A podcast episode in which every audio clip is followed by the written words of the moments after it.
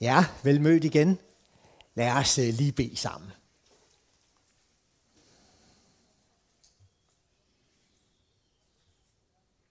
Tak fordi du også er hos os nu, den her formiddag, Jesus. Du er den almægtige Herre, du der er Messias, du der er Guds søn og vores frelse og levende og virkelig. Tak for, at du var sammen med os. Herre, så lad os virkelig gennem det, vi skal læse nu, igen få et glimt af, hvor enormt stor og mægtig du er. Og hvor fantastisk den plan, du har lagt for os er. Herre Jesus, lad din hellige ånd give os et glimt, så vi bliver fyldt af undren og jubel over din plan og din gerning. Og så vi lever tæt sammen med dig til din ære. Amen.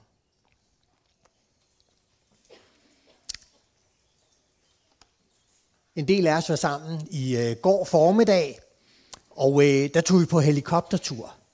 Så lige løftede os lidt op, og så fik lov til lige at se lidt fra øh, at det perspektiv, Bibelen giver os over, hvordan hele verden, hele verdenshistorien ser ud fra Guds perspektiv. Øh, lad os lige prøve at, at, at friske det op. Øh, her var den. Øh, set fra Guds perspektiv, jamen så ligger hele historien udbredt for ham. Det er ikke det hele, der er sket endnu, men han har perspektivet.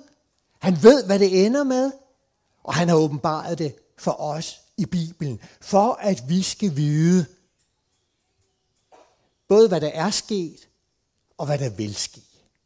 Og i Guds perspektiv, jamen, der er det jo i virkeligheden meget let, ikke? Det begynder med Edens have, paradis, sådan som Gud havde skabt det. To kapitler. Og så går det hele i stykker. Og så arbejder Gud på at genoprette det hele.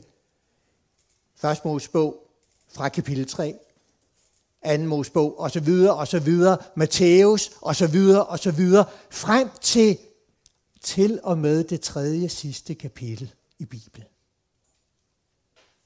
Johannes åbenbaring kapitel 20. Det er Guds arbejde på at gennemføre den frelsesplan, han har lagt. Og så slutter Bibelen med to kapitler, der ligner de første to kapitler. Hvor alt er genoprettet. Forbandelsen er væk, som har præget hele stykket imellem her. Og så kommer velsignelsen tilbage. Endnu bedre end i starten. Og allerbedst, fordi da bliver det ved for evigt. Der kommer ikke et nyt syndefald. Det har han lovet os. Og han ved, hvad han taler om, når han taler om fremtiden. Det bliver paradis for evigt. Det er verden i Guds perspektiv. Det, der skete ved syndefaldet, det var to kæmpe katastrofer. Forbandelsen kom ind i verden, og det er årsagen til al den lidelse, som er i verden lige nu. Og det er ikke småting. Hvis man tænker på, hvad mennesker oplever ud over jorden.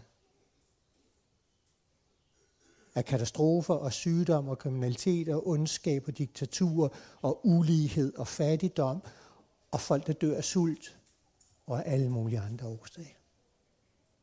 Det kommer fra søndefaldet. Det vi selv oplever, mere eller mindre, af synd og mangler, af ting, der gør ondt i vores menigheder, i vores eget liv, i vores familier. Det vi selv får af sygdomme, det hele går tilbage til syndefaldet. Lidelsen under forbandelsen. Men det er kun det ene del af problemet. Den anden del af problemet, det er, at her ved søndefaldet,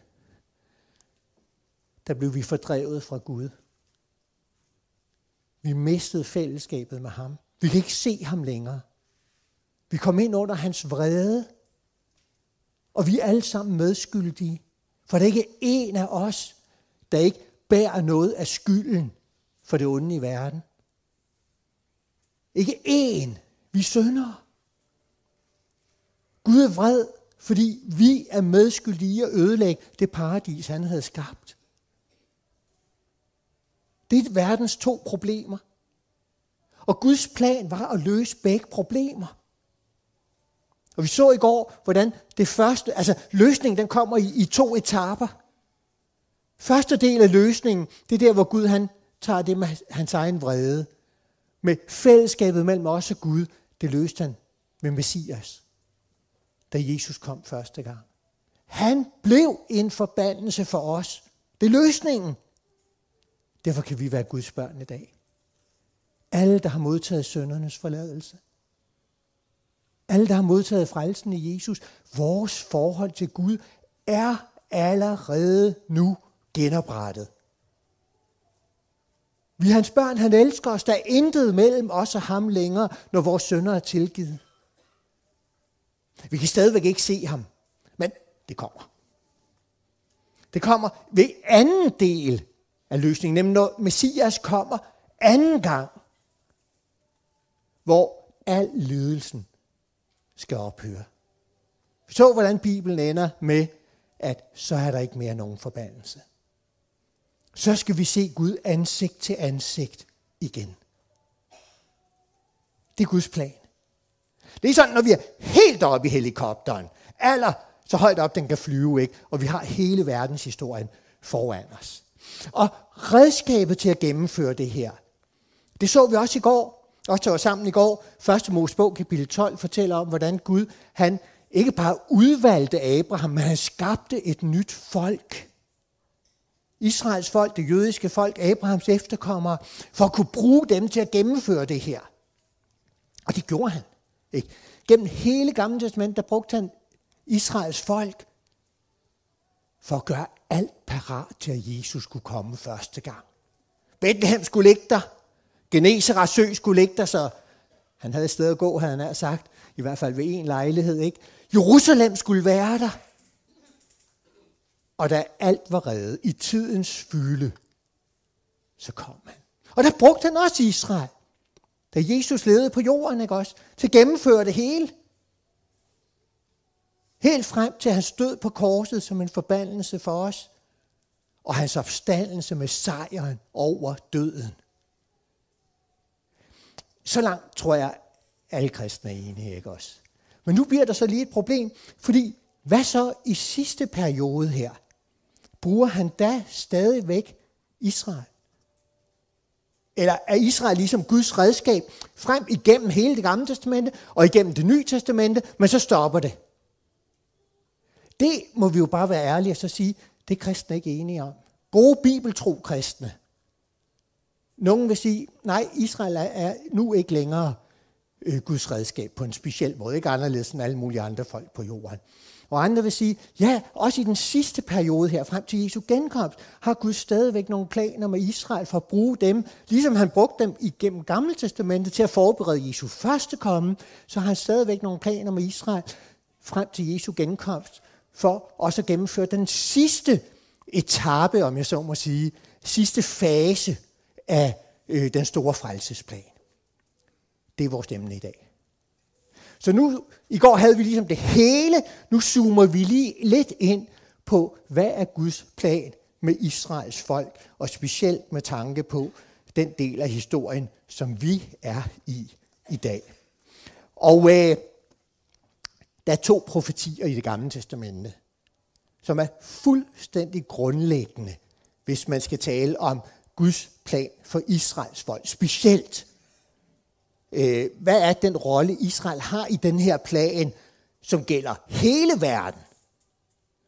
Øh, det ene er en tekst i 3. Mosebog, og det andet er en tekst i 5. Mosebog. Og jeg tror godt, man kan sige, at den i 5. Mosebog måske er den vigtigste. Så det er den, vi tager nu. Og øh, det betyder, at vi skal gå hen i 5. Mosebog, kapitel 30, og øh, der skal vi så læse, og jeg har så faktisk valgt, at vi skal læse 10 vers. Det er sådan lige overkanten af, hvad man kan læse op i en offentlig forsamling, uden at folks tanker begynder at gå alle mulige... Altså selvfølgelig ikke jer, men nu tænker jeg sådan meget generelt, ikke også?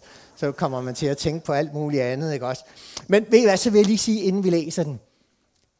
Det er en ekstrem vigtig tekst. Det er måske den vigtigste tekst i Bibelen om Israels fremtid, om det der er vores emne lige nu.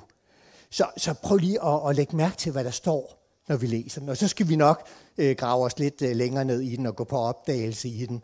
Øh, så lad os læse 5. Mosebog, kapitel 30, de første 10 vers. Når alt dette kommer over dig, velsignelsen og forbandelsen, som jeg stiller dig over for, og du lægger dig det på scene i et hvilket som helst til de folk, Herren din Gud fordriver dig til, og du vender om til Herren din Gud og adlyder ham med hele dit hjerte og hele din sjæl, ganske som jeg i dag befaler dig, både du og dine sønner, da vil Herren din Gud vende din skæbne og forbarme sig over dig. Og Herren din Gud vil igen samle dig fra alle de folk, som han har spredt dig til. Om så dine fordrevne befinder sig ved himlens yderste grænse, vil Herren din Gud samle dig og hente dig hjem derfra. Herren din Gud vil føre dig ind i det land, som dine fædre fik i eje, og det skal du tage i besiddelse. Han vil gøre dig lykkeligere og talrigere end dine fædre. Herren din Gud vil omskære dit og dine efterkommers hjerte, så du elsker Herren din Gud af hele dit hjerte og hele din sjæl, for at du må leve. Og Herren din Gud vil lægge alle disse forbandelser på dine fjender og modstandere, som har forfulgt dig. Selv skal du vende om og adlyde Herren og følge alle hans befalinger, som jeg giver dig i dag. I al din gerning vil Herren din Gud give dig frugt, dine moderliv, frugt af dit kvæg, frugt af din jord i overflod, for Herren skal igen glæde sig over dig, til dit eget bedste, som han glæder sig over dine fædre. Når du adlyder Herren din Gud og holder hans befalinger og love, der står skrevet i denne lovbog, og vender om til Herren din Gud af hele dit hjerte og af hele din sjæl. Okay, det er, det er faktisk ikke så let lige at få overblik over øh, de her 10 vers. Og der er virkelig mange gentagelser. Og gentagelser, det er vigtigt, ikke også? Fordi det, det er Bibelens måde øh, at understrege ting på, og lige sige sådan til os, læg lige mærke til det her. Og dem er der rigtig mange af her. Men øh, endnu vigtigere, hvis vi skal forstå det, det er faktisk måske baggrunden. For det her, vi lige har læst nu, indeholder en kæmpe overraskelse. Men vi, vi har lige brug for sammenhængen for at opdage det. Hvad er det, der er så dybt chokerende i det, som vi lige har læst her? Øh, 5 Mosebog 30 er jo en, bare en lille del af den kæmpe tale, Moses han holdt øh, ved afslutningen af hans liv, lige inden han skulle dø. Moses havde ført Israel ud af Ægypten 40 år tidligere. Så han er en pæn gammel mand her, ikke også? Øh, de der 40 års 40 ørkenvandring hvor Moses var leder af folket, det var jo fra han var 80 til han var 120, ikke også? Så altså, det er udskudt pensionsalder. Så jeg er der omkring 80, ikke også? Altså, der er længe til pensionsalderen, hvis man skal følge Moses eksempel, ikke? Øh, og her holder Moses så, lige inden de skal ind og indtage det forjættede land, den her store tale. Og i talens afslutning, der bliver han, at der kan man virkelig mærke, at her er en leder, som brænder af kærlighed til sit folk. Og øh, det giver sig udslag i, at han har et lille afsnit i øh, starten af kapitel 28, øh, hvor han meget stærkt formaner folket. Kære Israel, nu når jeg er væk, så har I et valg. Der er to veje. Der er velsignelse, og forbandelse. Og så maler Moses det op. Hvis I nu bliver hos Gud, som har frelst jer ud af Ægypten, så vil I opleve, selv i den her syndens verden, hvordan det er at være et folk, der lever under Guds velsignelse. Men det, det, det er ikke tvang. Der er en anden mulighed. I kan vælge at forlade Gud, som har frelst jer. Ham, der har reddet jer ud med påskelammets blod af Ægypten og slaveriet. I kan glemme ham. I kan gå bort fra ham. Gud begår ikke voldtægt. I kan gå bort fra ham. Men så skal I også vide, at så ender det i forbandelser. Og så vil I opleve, hvordan det er at være et folk, der lever under Guds forbandelse. Vælg nu det rigtige. Og endnu længere hen i allersidst i 5. Mosebog, der bliver det endnu stærkere, hvor Moses sådan virkelig taler til mennesker. Ikke? Og ved I hvad? Vi er jo i præcis samme situation. Gud har vist os den helt ufattelige kærlighed, at han har givet sin egen søn. Lad ham virkelig lide for os. Påskelammets blod, ligesom med Israel, ikke? Var det virkelige påskelam, Jesus? Og så siger han, hvad med resten af jeres liv? Bliver I hos mig? Under velsignelsen? Eller vælger I at gå bort? Israels historie er et enormt stærkt budskab til os. Men her sker der så noget mærkeligt i teksten. For det der afsnit om forbandelserne, det bliver bare længere og længere og længere og længere og længere. Og man tænker, hold da op Moses, hvad sker der lige her? Ikke også? Du fremlægger to muligheder, velsignelse og forbandelse, og så er det som om forbandelsen den bare altså man kan bare tælle vers, ikke også? Det bliver ved, at det bliver ved, at det bliver ved beskrivelsen af, hvor forfærdeligt det ender med at gå. Og forklaringen, den kommer så, når vi kommer ind i kapitel 29, for der bliver det tydeligt, at nu er Moses holdt op med bare at tale om to muligheder.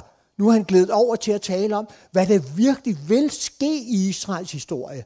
Moses er profeten, der forudsiger, at jeg ved godt, hvad I vælger, når I kommer ind i det forjættede land. Det ender med, at I forlader Gud som elsker jer så højt, som har gjort så meget for jer. Det ender med Israel, at I svigter ham, og I kommer ind under forbandelser. Og så udvikler det der afsnit med, hvis i forlader mig, det udvikler sig til, ja, I vil forlade mig. Prøv lige at se, hvordan det ser ud, hvis vi bare lige læser et par vers i kapitel 29, 5. Mosebog. Fra vers 21, der siger Moses, da skal den kommende slægt, jeres børn, som følger efter jer, og udlændinge, som kommer fra det fjerne, få dette lands plager og se, og de sygdomme, som Herren har ramt det med, svovl og salt, hele landet afsvedet, utilsået, uden at nå græs spiger op og vokser op, som den ødelæggelse, Herren i sin vrede harme bragte over Sodom og Gomorra og Atma og Seboim. Både de, altså de kommende jøder, ikke også, israeliternes efterkommere. Både de og alle andre folk skal spørge, hvorfor har Herren gjort sådan med dette land? Hvorfor denne store glødende vrede? Altså, er, er I med på tidsperspektivet her? Ikke Moses står her, lige før de drager ind i det forjættede land. Og så siger han til Israel, I har to muligheder. Forbandelse og velsignelse. Og så glider han over i, og så ser han langt ud i fremtiden. Og så siger han, dem, der lever der langt, langt ude i fremtiden, både jøder og alle andre folk, der kommer en dag, hvor de vil se tilbage, altså på det, der er sket siden Moses, ikke også? Og så vil det sige, hold da op, hvorfor er det her folk og det her lands historie blevet sådan, så forfærdelig? Hvorfor al den lidelse i Israel? Al den ødelæggelse? Hvorfor er det gået sådan? Det er Moses profeti. Der kommer en dag i fremtiden, hvor man vil se på Israels historie og sige, hvorfor? Hvorfor alle lidelserne? Hvorfor Jerusalems ødelæggelse? Hvorfor middelalderens forfølgelser? Hvorfor holocaust? Og så giver Moses selv svaret i det næste vers der i kapitel 29, hvor han siger i vers 24, svaret er, det er fordi, de svigtede pakten med Herren, deres fædres Gud, den pagt, han sluttede med dem, da han førte dem ud af Ægypten. De gik hen og dyrkede andre guder og tilbad den guder, som vi ikke før havde kendt, og som Herren ikke havde tildelt dem. Da flammede Herrens fred op mod det land, så han bragte hele den forbandelse over den, der er skrevet i denne bog. Herren rykkede dem op af deres jord i stor vrede og hammer og raseri, og slængte dem bort til et andet land, hvor de nu er.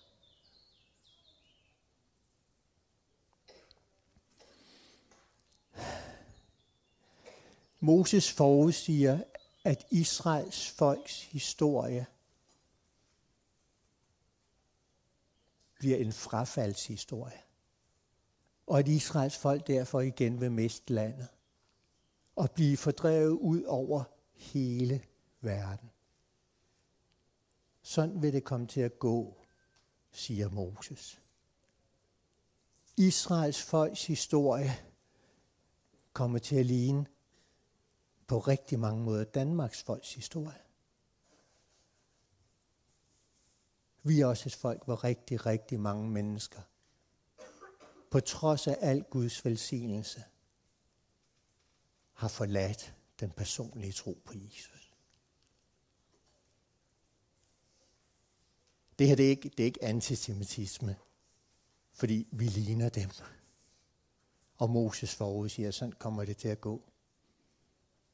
Og sådan kom det til at gå, ikke også? Min kone Christa og jeg var lige på ferie på Sydfyn i sidste uge. I Forborg. Dejlig, flot, gammel by, i hvert fald nogle steder flot og gammel, ikke også? Og øh, så, så ser vi pludselig en mærkelig bygning. Ej, jeg vidste godt, hvad det var på forhånd. Det var derfor, vi gik efter den, ikke også? En gammel jødisk synagoge i Forborg. Ja, det er 100 år siden, mere siden den har været synagoge, ikke også? Men der var faktisk jøder, der boede i Forborg og byggede en synagoge, altså for længst overtaget en eller anden loge. Og, og, og lidt længere nede ved vandet, der ligger den gamle jødiske gravplads med gravsten på hebraisk i Forborg.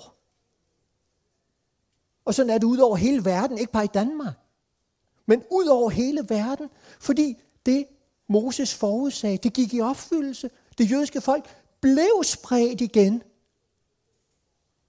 Tag til Forborg og se, at Moses op- profeti gik i opfyldelse. Ikke også? Rigtig, rigtig mange kristne ned gennem tiden har sagt, det er Israels historie. Gud frelste dem ud af Ægypten. Gud brugte dem frem til og med, at Jesus kom. Men de tog ikke imod Jesus, flertallet. Der var godt nok mange tusind, der gjorde, læser vi apostlenes gerninger, men, men flertallet og lederne, især ypperste præsterne, gjorde ikke. Og så blev de spredt ud i hele verden, og det var slut på Israels historie. Se kapitel 28 og 29 i 5. Mosebog. Og så stopper man der. Men der stoppede Moses ikke i sin tale. Der stopper 5. Mosebog ikke. Den fortsætter jo i kapitel 30, som vi lige læste. Prøv lige at se, nu har vi baggrunden. Og hvad siger Moses så, efter at han har beskrevet den her historie, at de bliver spredt ud i hele verden, til Forborg og alle mulige andre steder. Så fortsætter han i kapitel 30, så siger han, når alt dette kommer over dig, velsignelsen og forbandelsen. Altså, når du kommer ind i landet, siger Moses, han står her og ser ind, når I kommer ind i landet, så er der perioder med velsignelse, hvor I lever med Gud. Der er perioder med forbandelse, hvor I svigter Gud. Og så siger han, men det ender med, at I bliver fordrevet ud i hele verden. Og så fortsætter han i kapitel 30 med at tale om noget, der sker efter, at de har oplevet alt det. Efter de har oplevet velsignelse og forbandelse i landet, og så er blevet fordrevet ud i hele verden. Hvad skal der så ske? Til sidst i historien, hvad skal der så ske? Jo, så siger han, så skal der ske to ting. Men læg lige allerførst mærke til det allerførste ord i kapitel 30. Jeg synes, det er en god dansk oversættelse. Der står når. Der står ikke hvis. I kapitel 28, der siger han, hvis I holder jer til Herren, så vil I opleve velsignelse. Hvis I forlader Herren, så vil I opleve forbandelse. Nu er det blevet til profeti, og nu siger Moses, begge dele vil ske og I vil blive fordrevet ud i hele verden. Og når det er sket, og I jøder bor ud over hele verden, til sidst i verdenshistorien, så vil der ske to ting. For Israels historie ender ikke med forbandelsen, hvor de lever spredt ud over hele verden. Så vil der ske to ting. Han forklarer, han bruger først et helt specielt udtryk i vers 3 da, når I bor ud over hele verden, da vil Herren din Gud vende din skæbne og forbarme sig over dig. Lad, lad os lige prøve, vi, lad os lige være helt sikre på, at vi er fuldstændig fat i tidsperspektivet her. Ikke? Efter Moses kom de ind i landet, tider med for, øh, for velsignelse og tider med forbandelse, så bliver de fordrevet ud over hele verden. Og på det tidspunkt, der vil Gud gribe ind og vende Israels folks skæbne. Men fuldstændig op og ned på historien. Læg godt mærke til det udtryk, der er brugt her, vende Israels folks skæbne. Det er et udtryk, der bliver brugt rigtig mange steder hos profeterne senere i Gamle Testamente om Guds plan med Israels folk i de sidste tider. Der står ikke her i kapitel 30, at det er de sidste tider, at det her det skal gå i opfyldelse. Men det står i en tilsvarende tekst, som I selv kan læse øh, henne i øh, 5. Mosebog, kapitel 4, vers 30. Vi skal ikke læse det nu, jeg giver jer bare henvisningen, hvis I gerne vil have det. Der er brugt udtrykket, på hebraisk i hvert fald, det er oversat lidt anderledes på dansk, men på hebraisk der er der brugt, at det her skal ske i de sidste tider. Det er som er det hebraiske udtryk. Så nu taler Moses om noget, der ligger helt ude i fremtiden, langt efter hans tid, i de sidste tider. Hvad vil Gud der gøre med Israel? Han vil vende deres skæbne, og det betyder to ting. To ting. For det første, hvad betyder det? Prøv at, at se, øh, hvad vi har her i, øh, i vers 2. Du vender om til Herren din Gud, og adlyder ham med hele dit hjerte og hele din sjæl, ganske som jeg i dag befaler dig. Både du og dine sønner. Derude i de sidste tider, ved verdenshistoriens afslutning, der skal Israels folk vende om. Altså vækkelse til Gud. Prøv at se vers 6. Herren din Gud vil omskære dit og dine efterkommeres hjerte, så du elsker Herren din Gud. Omskæring, det kendetegner på at være en jøde, ikke også? På de jødiske mænd, på kroppen. Men her er der tale om, at Gud vil gribe ind, og så vil han ændre hjertet, omskære selve hjertet, så de bliver et frelst folk. Det er det, Moses siger. Det skal ske i de sidste tider, ud ved afslutningen af verdenshistorien. Der kommer en vækkelse i Israels folk. Eller, ja, det, kommer, så, det bliver gentaget så mange gange. Prøv at se vers 8. Selv skal du vende om og adlyde Herren og følge alle hans befalinger, som jeg giver dig i dag. Ikke også? Og det kommer igen øh, i vers 10. Når du adlyder Herren din Gud og holder hans befaling og lov, der skrevet den lov, og vender om til Herren din Gud af hele dit hjerte. Ja, altså, når det kommer så mange gange, så er det jo fordi, det er vildt fantastisk, det her, ikke også? For Moses har lige forudsagt, at når I kommer ind i landet, så falder I fra Gud. I glemmer ham. I tager ikke imod Messias, når han kommer. Og så siger han, men til sidst, så kommer der en vækkelse i Israels folk. Når Herren vender deres skæbne. Det er det ene, som Moses han forudsiger om Israels historie. Og det andet, han forudsiger om Israels historie, det er, at den dag, der skal de komme hjem til deres land. Prøv at se vers 3. Da vil Herren din Gud vende din skæbne og forbarme sig over dig. Læg mærke til, at det er det barmhjertighed. Det er ikke fortjeneste. Det er rent noget. At Israel har en fremtid, det er barmhjertighed fra Gud. Ligesom os. Vi ligner Israel. Israel ligner os. Og så står der, og Herren din Gud vil igen samle dig fra alle de folk, som han har spredt dig til. Han taler altså om et tidspunkt ud i fremtiden, hvor Israel er spredt ud over hele verden. Men sådan ender det ikke. Den dag, til sidst i verdenshistorien, vil Gud samle Israels folk hjemme i deres gamle land. Prøv at se vers 4. Om så dine fordrevne befinder sig ved himlens yderste grænse. Altså, det må være noget i retning af Alaska og Forborg og, hvad ved jeg, Japan eller et eller andet, ikke også? Altså, om de så er kommet virkelig langt væk fra Israels land, så vil Gud hente dem ved at bringe dem tilbage til deres land igen. Sådan ender verdenshistorien. Når den her verden slutter, den her tidsalder, vi er i nu, så er Israel folk hjemme i deres land. Og så er de folk, der kender Jesus.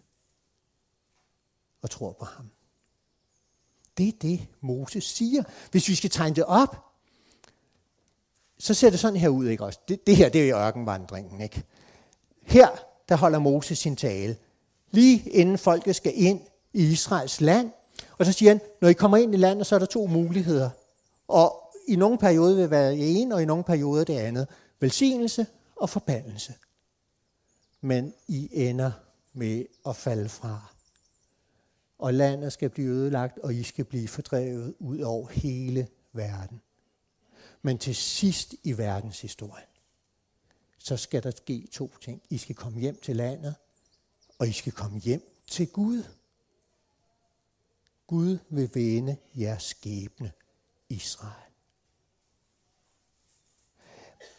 Det her det er en meget bemærkelsesværdig tekst, fordi meget ofte i profetierne i Gamle Testamente, der får vi en masse enkelt profetier, men ikke en rækkefølge. Det er der, Jehovas vidner og mange andre går galt i byen. Ikke også? Det er fordi, så begynder de at klippe profetier ud, og så lægger de et puslespil. Helt ned i mindste detaljer. Og så tror de, man kan lave sådan en køreplan for, hvordan verdenshistorien øh, kommer til at foregå. Det skal vi passe meget på med. Men der er nogle, ikke så mange, men der er nogle steder i Gamle Testament, hvor teksten selv giver et tidsrækkefølge. Og det, dem skal vi lægge særlig godt mærke til, for der er ikke så mange af de steder vel. Og det har vi her.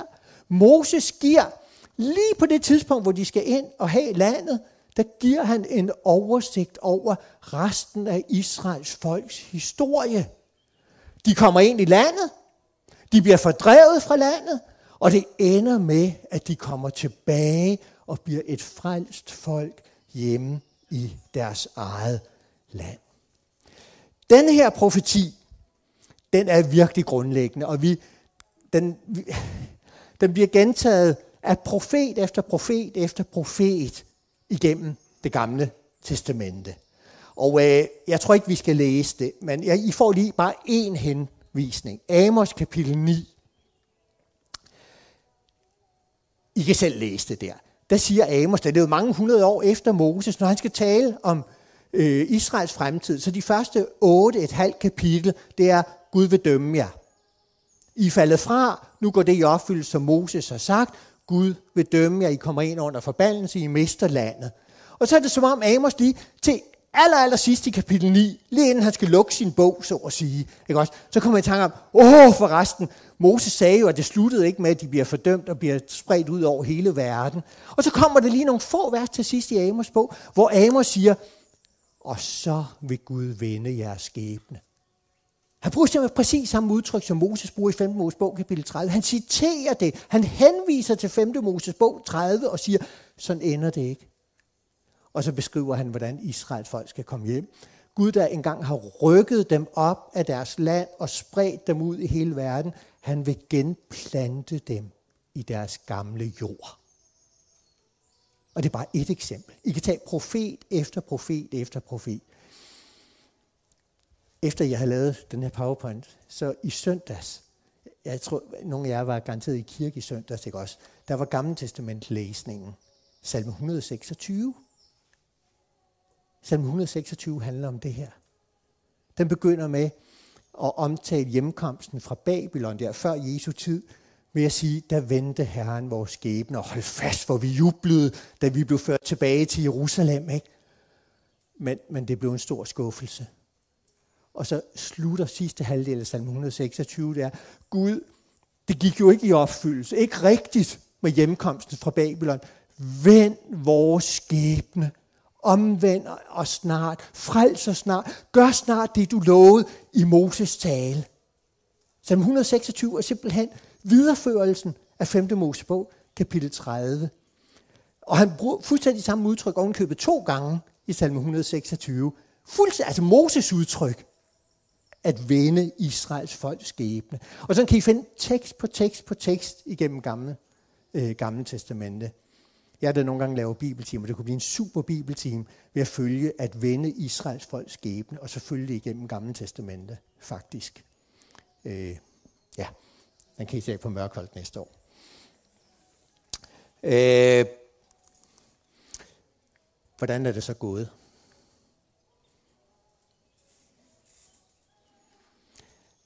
Ja, Moses forudsigelse om, at de kom ind i landet, og der blev gode og dårlige tider, det kan vi læse i Gamle Testament. Det gik fuldstændig, som Moses havde forudsagt.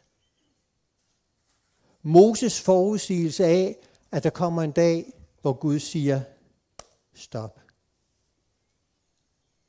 Og så fordriver Israels folk i hele verden. Gik i opfyldelse tre gange. I 722 før Jesus. På Nordriget, de ti stammer op mod nord, Israels rige. I 586 før Kristus, der gik de opfyldes på Judarige, Sydriget, Jerusalem, blev ødelagt. Også de stammer blev ført til Babylon eller fordrevet rundt om i alle nabolandene. Og så kom der ligesom, så kom de, nogle af dem hjem, ikke så mange, men nogle af dem kom hjem fra Babylon igen. Men så på Jesu tid, i år 70, der blev Jerusalem for anden gang ødelagt. Og der blev folket virkelig spredt. Ud over hele verden. Ind til i dag. Så det Moses sagde om de to første perioder af Israels historie, hjemme i landet, og så fordrivelsen ud over verden, det ved vi i dag gik i opfyldelse. At man behøver ikke være kristen for at vide det. Det står i historiebøgerne. Men hvad så med det, Moses sagde om den tredje periode, at til sidst i verdenshistorien skal de komme hjem igen, og der skal komme vækkelse? Hvad med det i vores tid? Prøv lige at se en interessant statistik. Jeg ved faktisk ikke, om den er sådan, at I næsten ikke kan se det. Det søjler over antallet af jøder, der vendte vendt hjem til Israels folk siden 1948. Øh, sådan 3-4 øh, år ad gangen. Det her det er 48 til 51. På de få år, der tre år efter Israels oprejse, der kom der knap 700.000 jøder fra hele verden, især Mellemøsten, tilbage til Israel. 700.000. Kan I huske for nogle år siden, da Danmark var ved at gå nedenom og hjem, fordi der kom flygtninge fra Syrien og andre steder vandrende op ad motorvejen. Ikke også? Altså, der må vi lige ved at gå i oplysning. Var, var, var det 10 eller 15.000? Hvor meget var det nu, det lige var? Ikke også? Det, det magtede vi ikke i Danmark, vel? 700.000 på tre år. Ah, okay, så har der selvfølgelig også været nogle perioder, hvor det ikke var så mange. 52 til 54, der var det vel kun omkring 60.000, ikke? På de der tre år, ikke? Og så har det været en anden kæmpe bølge i starten af 90'erne, da jøderne fra det gamle øh, Sovjetunionen kom tilbage i kæmpe, kæmpe antal, der lige i starten af 90'erne. Ikke også? Ved I hvad? De her tal på indvandringen, der findes ingen periode i verdenshistorien siden Moses, der har bare noget, der minder om det her. Det er de sidste knap 75 år. Der er ingen periode, der bare på nogen måde kommer op af, selvom vi så fjernede alt det andet, og så bare tog den største, første søjle her. Der er intet, der minder om det. Det er fuldstændig totalt nyt i verdenshistorien. Måske bliver det endnu tydeligere, hvis vi tager en anden øh, måde at gøre det op på. Øh, i kan se 1925, og så den sidste, jeg lige har taget med, det er 2014. De gule søjler, det antyder, eller de viser cirka, hvor mange jøder, der var i verden, på, altså på hele jorden til sammen. I kan, også, I kan meget godt se, at fra 39 og så til efter 2. verdenskrig, der faldt antallet voldsomt. Simpelthen på grund af holocaust. Ikke også? Det der forfærdelige mor. Forsøget på at udslette det jødiske folk simpelthen. Ikke også? Den blå søjle, den viser, hvor mange af jøderne, der bor i Israel. Prøv lige at se, i starten af 1900-tallet, der altså det var knap nok en søjle, ikke også? For det var så få ud af de godt 10 millioner jøder, der levede omkring år 1900. I dag, hvis nu endda lavede lige en, der hed 2021, så er næsten halvdelen af alle verdens jøder bor i dag i Israel. Sådan har det ikke været, siden Israel blev fordrevet fra deres land før Jesu tid. Det er første gang i verdenshistorien. Og Moses sagde, og vi har set det nu, vi har læst det i 5. Mosebog 30, den der meget, meget vigtige profeti, at Israels folk skal blive fordrevet ud over hele verden. Men til sidst i verdenshistorien, der indgår det i Guds plan, at han vil vende deres skæbne og gøre to ting. Føre dem hjem og sende vækkelse, så de bliver frelst. Det siger Moses. Vi kan læse det. Vi har læst det nu i 5. Mosebog. Sådan er det gået. Vi er ikke fremme ved målet, vel? Men der har aldrig nogensinde i to et halvt tusind år været et tidspunkt, hvor så mange jøder bor i deres eget land, i forhold til hvor mange der er på hele jorden. På grund af de sidste 70 år, vores tid,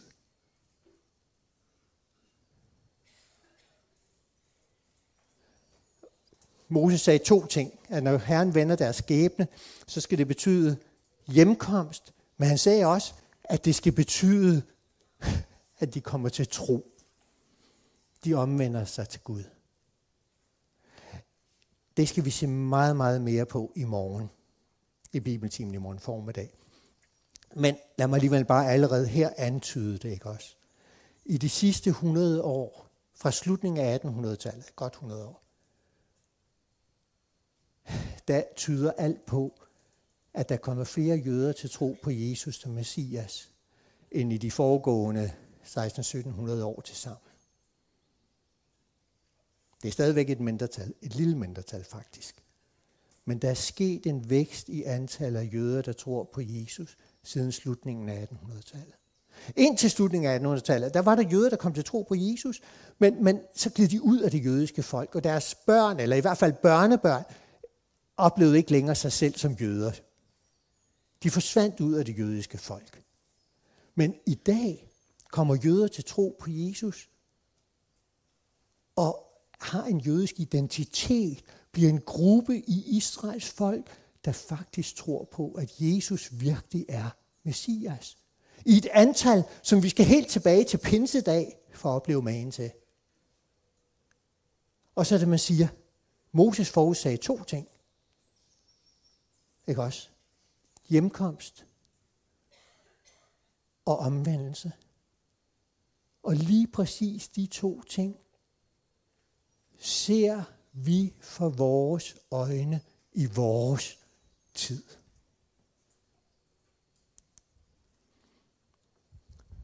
Moses kom med den her forudsigelse af Israels fremtid i tre etapper. Fra slutningen af 1800-tallet begyndte jøder at komme hjem i stort tal. Fra slutningen af 1800-tallet begyndte jøder at komme til tro på Jesus. I lille tal, men dog langt større end i de foregående mange, mange hundrede år.